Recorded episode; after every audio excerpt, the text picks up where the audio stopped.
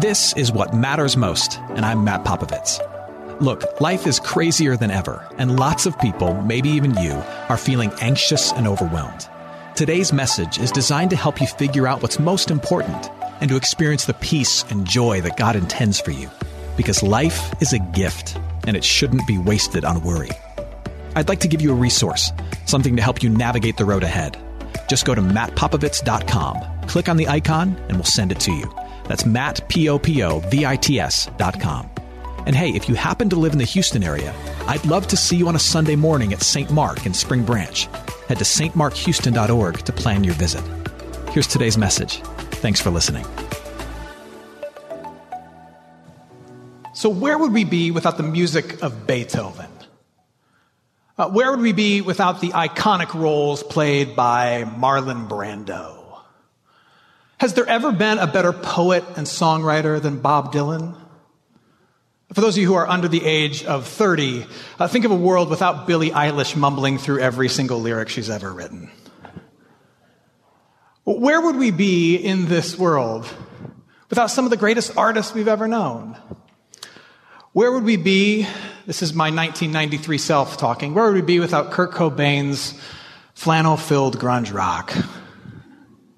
Or with, without Van Gogh's post impressionist influence in this world? Uh, today, we're taking a look at the creators, the creatives, the innovators, the artists among us, the people in our lives who have deep waters running through them and a lot of creativity and sometimes a lot of emotion flowing through them. Today, as we continue our series, we're talking about those who walk the road of originality. They're highly creative, they're attuned toward beauty, and they point all of us to the depth and richness of the human existence. You are one of a kind if you're on this road. In fact, that's probably the reason why you hate the fact that we're talking about you this morning, because you like to think that you're one of a kind. If you walk the road of originality, there is this, this thinking inside of you that says, no one really sees the world like me. No one feels as deeply as me. No one will ever fully understand me. And so the fact that I'm about to say that there are a lot of other people on this road doesn't sit well with you. But you need to know that you are not alone in this world if you walk the road of originality. You're not alone. There are a lot of other people for whom the following is true. Pay attention. You like things that are refined yet out of the ordinary. You've never really felt like an insider. You feel a lot of feelings in any given day. Sadness is familiar and comfortable territory for you. Criticism stings you and stays with you. You feel the need to explain yourself, to be understood. If someone says this is what you should do or this is what everyone else is doing, you can guarantee that that is not what you will do. People have accused you of being intense. Your passion or emotions are too much for them, they say. You're a creative person. And yet you often feel misunderstood, and that causes frustration for you. And deep down inside, you worry more than most about being abandoned. Without you, the world would be a bland, cookie cutter, humorless place but with you, there is humor and there is wit and there are good stories, there are great songs, and we understand better the depth, the struggle, the beauties, and the pains of the human existence. You are a blessing to this world. And yes, you are, as, as some kids would say, a big mood, but you bring big blessing with those moods. In fact, the great gift that you bring is, as I've just said, you, you bring beauty and depth and truth to this world. The rocks on this road quite often are two things shame and envy. Shame and envy. And this is where King Saul comes in. Uh, we don't hear much about King Saul's creative side, but we do know that he was a man who felt deeply and who was driven almost compulsively by his emotions. Uh, king Saul was made king by the command of God. God spoke and said, Saul is going to be my king, king of Israel, king of God's Old Testament people.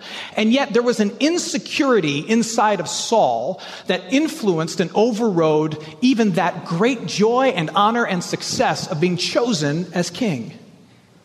Shortly after he was chosen as king, God gave him a command. He said, Go and fight these people. And God was pretty specific about what he wanted Saul to do. But Saul's insecurities got the best of him, and so he decided to innovate on God's command, and he did not do what God asked him to do. And so immediately after the battle, God says, Look, Saul, your, your reign will ultimately fall short. A successor to your throne will emerge soon. There was a man named Samuel who was a prophet. It was his job to break this news to Saul. And Samuel was just flabbergasted that Saul had somehow ruined this incredible opportunity to be the king of God's people. And Samuel, the prophet, his job was to hear from God and then be the voice of God physically present with the king and then whisper it into the king's ears. And so Samuel comes to Saul, and, and this is what he says. And these words of Samuel give you a deep glimpse into Saul's heart and mind. Samuel says this. Although you were once small in your own eyes, did you not become the head of the tribes of Israel? In other words, I get it. You've always had a really low view of yourself. You've always been really insecure. But God made you king of Israel. Was that not enough to overcome all your insecurities? Could you not be driven and directed by God's promise over your life rather than all these insecurities? And the answer, of course, to that was no. And so Saul then had deep regret, which then gave birth to deep shame over the fact that he'd really screwed up his kingship. And then in comes David. And the second David emerges, it becomes clear that David is going to be the successor. And now all of Saul's regret and all of his shame over having screwed up his reign as king now has a focus. It has a person to look at and blame for it. Uh, listen again to what Saul does as David's stature as the future king emerges. 1 Samuel chapter 18, starting at verse 8. Saul said, They have ascribed to David tens of thousands, and to me they have ascribed thousands. What more can he have but the kingdom? And here's the key point. So Saul eyed David from that day on. The next day, an evil spirit from God rushed upon Saul, and he raved within his house. Envy can overpower us. Envy is a strong spirit that can overtake us. Envy is the desire for something somebody else has that you think rightfully belongs to you. It is a bitter, deadly pill to swallow because once you swallow the pill of envy, it starts to take deep root inside of you. And then that envy can become bitterness, it can become anger, all too often, with those who walk the road of originality, their shame gives birth to envy, which then becomes a kind of condescension towards others, where they can often be accused of carrying themselves as if they're smarter or better or funnier than everybody else. Sometimes, with those who walk this road, when you interact with them, you often feel as though you don't get their joke. And now, whether this is your road or not, a pastoral word for all of us is to be on the lookout against envy. Proverbs chapter 14, verse 30, it says, A heart of peace gives life to the body, but envy rots the bones. Quick side note the only antidote to envy, if you're struggling with it, is gratitude. The only real way to deal with envy in a way that kind of pushes it out of your life is to give praise and thanks to God for the good things that you have.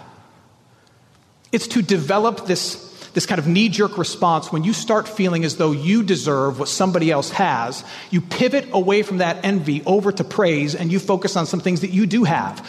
And rather than say, Woe is me, you say, Thank you, Lord, for that thing that you do have. That is the antidote for envy. Now, Saul's envy grew and grew and grew, and to the point where he basically committed the rest of his life to eradicating David from his existence. But at the core of Saul's envy for David was not David, it was what David possessed. Look again at the text from this morning, starting now at verse 12. Saul was afraid of David because the Lord was with him, but had departed from Saul. So David has the Lord, Saul does not. So Saul removed him from his presence. David had success in all his undertakings. Saul did not, for the Lord was with him. When Saul saw that he had great success, he stood in awe of him. Now, that's not to say that if you're on this road of originality, that you're going to get so overwhelmed with envy for others that you're going to want to, like, you know, see them dead. That's not going to happen. Here's what you, you do have to be mindful of that envy can so take root in your life on this road that it clouds your eyes and puts you into a deep despair that, that clouds every single interaction you have. But remember, the core issue for Saul was not David himself, but what he saw David possess. David now had the favor of God. Saul once had it. David now had the heart of the people. Saul once had it. David now had the, the kingdom in front of him. Saul once had it. And what he's envious of are all the things that Saul possessed, that David possessed rather, that Saul once had. But how did Saul lose those things? He lost those things because of the very beginning at his insecurity. The, the big point for you, if you walk this road in this story, is not how Saul's story ends, but the cautionary tale is how it begins.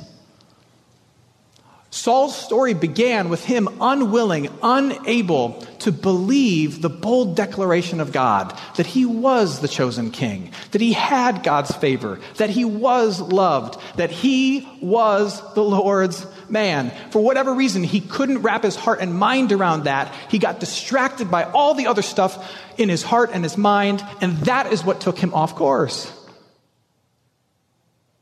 He couldn't believe God's declaration of him being the chosen one and the king. Now, contrast that with what his son Jonathan did. If you know the figures in this story, you know that Jonathan is Saul's son.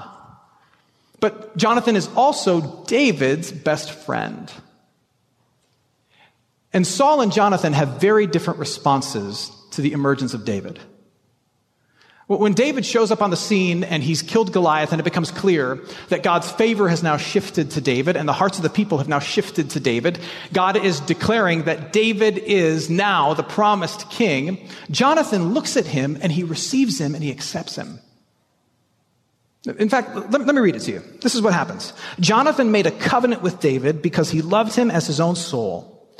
And Jonathan stripped himself of the robe that was on him and gave it to David and his armor and even his sword and his bow and his belt. If Saul is king, then Jonathan is what? The prince. Which means that if David is going to take over as king, it means that, that, that Jonathan is going to lose his own right to the throne. So David's existence is as much a threat to Jonathan as it is to Saul. And yet, Jonathan's response to God's clear choosing of David is so different from his father's. He, he looks at him and he accepts what God is declaring.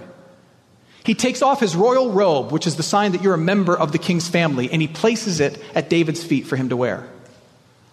And he takes his sword and his shield and, and all of his weaponry and he gives it to David. These were symbolic of the power and the authority that came with that throne. He takes everything that belongs to the royal family and he gives it to David. This is his way of saying, I believe what God is saying. I accept what God declares.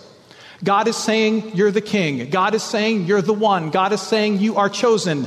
And I am accepting that. He accepts what God says. His father never could. And that's the implication for you if you walk this road of originality. To not let your emotions, your insecurities, whatever the thing that's, that's bubbling up inside of you get in the way of you saying yes to God's clear choosing of you. Be a Jonathan when God calls and not a Saul. And let me be clear God has chosen you. He's not chosen you to be king. But through Jesus Christ, through his perfect life and his sacrificial death, he has cleared a path for you, despite all your complexity, all your emotions, all your creativity, all the baggage you think you bring. He's cleared a path for you to be in his family and for you, yes, you, to have a seat at God's table. And He's chosen you in your baptism. When you were baptized, all the work of Jesus Christ was applied to you. It was, it was your coronation day, so to speak. It was God saying, I choose you. With all that's going on inside, with all the troubles in the, in the world, every, every problem in your hands, no matter all those things, I choose you. I forgive you. You are mine. All my power is yours in the form of my Holy Spirit. Your place in my family is secure forever. God has chosen you. And now, each and every day that you get up and you live, you have, you have the choice. You, you can be driven by, by the emotions and the insecurities and the ups and downs inside of you and around you. You can let those things drive the bus, or you can believe what God has declared. That no matter what you feel, that no matter what you experience, He's chosen you. He loves you. He knows the stuff going on inside of you. He made you. He forgives. He loves you. You can let other things drive you and shape you and define you, or you can let that. You can let that define you. Which will it be? I hope you're enjoying today's message. For more of what matters most, you can head to mattpopovits.com. There you'll find other messages. You can support this ministry as well as access your free gift. Oh, and if you're looking for a local church and you live in Houston, come and see what's happening at St. Mark Houston. To plan your visit, head to stmarkhouston.org. Thanks for listening, and back to today's message. And when those who walk this road, when they lay hold of that truth, when they, on a daily basis, return to that truth of God's choosing and believing the promises of God about them in their life, they, they are less they are less driven and defined by the ups and downs on the inside, and they are, they are free to let some of their creativity and their beautiful insights on how they see the world flow through them in a way that blesses the rest of us, in a way in which we desperately need. And that's my prayer for you if you walk this road, that you would come to terms with, wrap your heart around that truth that God has chosen you. And that as you come to terms on a daily basis with that truth, you would continue to choose to grow. And here's what growing into your uniqueness looks like. I think, I think it means for you at least three things that you should make a practice. Uh, ultimately, it's one practice of, of, of self expression. And I know you think, oh, I've already got that down. I'm on the road of originality, so to speak. But, but, but here's specifically what I think you should do in your self expression. Uh, you, need, you need physical expression, you need spiritual expression, and you need some, yes, artistic expression. Uh, to a person, everyone I know who is the artist and the innovator who walks this road, they have said to me that there was a change in their life when they began to discover the joys of being, being, being outside and running or biking or doing something physical. Yeah, that changed them. There's a lot going on in here that needs to go out into the world. And so being physical, exercising, doing something like, like getting out into the world and sweating just a little bit makes a huge difference for you. If you're not already doing that, you need to do that. Also, you need spiritual expression. Again, a lot of stuff going on in here, and that needs to get out in your spirituality. I would encourage you to familiarize yourself with something called the prayers of lament. Prayers of lament are prayers of, of sadness, of despair, of frustration. And if you walk this road, my guess is that you can speak anguish as a second language and the problems and frustrations that you have with God, with others, I think you should take those things and you should write them down. Fill a journal. Fill something with all of those prayers of angst, anxiety, and frustration and let that flow through in your spirituality. That will open up new things for you. And then you need artistic expression too. One of the unique things about you is that God made you a maker like He is a maker. And you don't have to write songs, you don't have to, to paint paintings, but, but I think you have to do something to express your inner life and something that the rest of us can see and appreciate. Whether it's a garden that you tend, a car that you rehab, or, or a book that you write, I don't know what it is. This will allow the rest of us to grasp you and understand you and get you a little better. This will allow the rest of us to see inside and appreciate you, which is what you really want. I know you. On the flip side, if you know someone who is the artist and the anguished type who walks this road, then there is, there is just, there's just three things they need from you in order for you to love them well and to bring out the best from them.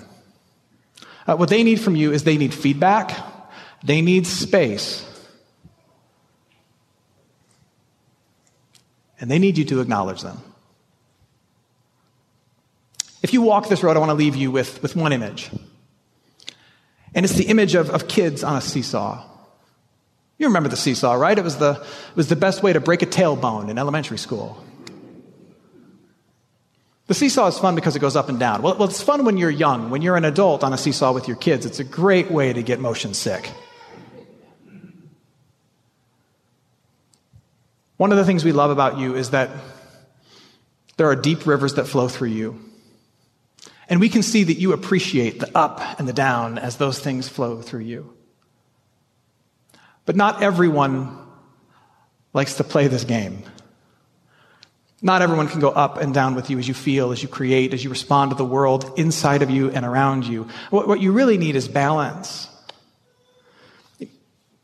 When you find the right person who can sit on that thing with you, who, who is the perfect match for you, you could actually balance if you wanted to. And friends, that, that's ultimately what Jesus is for you. He's, he's the perfect match for you. His forgiveness is the perfect match for your shame. His, his love is the perfect match for your regret. His acceptance is the perfect match for the flood of emotions that you feel. His grace is the perfect match for your complexity. And what he gives you is the gift of equanimity. That's your $5 word for the day.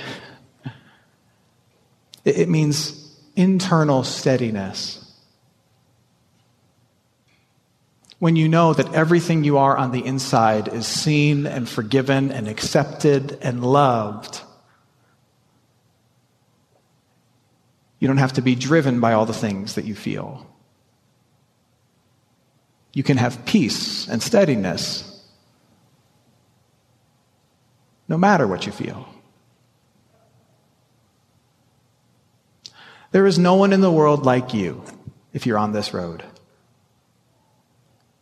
And yet there is one who sees you, who gets you, who accepts you and who will never leave you. That's his word to you. Believe him. Let's pray. Heavenly Father, we thank you for the artists among us. We thank you for the creatives, those who, who live life beautifully out of step with the rest of us who feel deeply, who love greatly, whose wit and wisdom and humor enriches our lives. And yet, Father, we know that, as is the case for so many of us, that at the core of that, there can be some shame, there can be some regret, that can lead to some other things. And, and we pray that you would just speak into their hearts, whoever they are. Speak into their hearts the truth that you see them and you love them and accept them through Jesus Christ. And may that give them a peace and a steadiness and a security that they so deeply desire. And help them to know that they are never too much for us, and certainly not too much for you. Because we and you love them. We pray this in Jesus' name. Amen. Hey, it's Matt. I hope you enjoyed what matters most. Here's what I need you to know life is a gift, and it shouldn't be wasted on worry. I want to help you figure out what's most important and to experience the peace and joy that God intends for you. So, for more content, you can head to mattpopovits.com. That's Matt, P O P O V I T S.com. There, you can also support this ministry as well as access your free resource, a little something to help you navigate the road ahead. I'd also love to see you on a Sunday morning if you're in the Houston area head to stmarkhouston.org to plan your visit. In the meantime, hit me up on Instagram at mpopovits or at facebook.com slash Matt Popovits Ministries. Thanks for listening. Now go and hold tight to what matters most.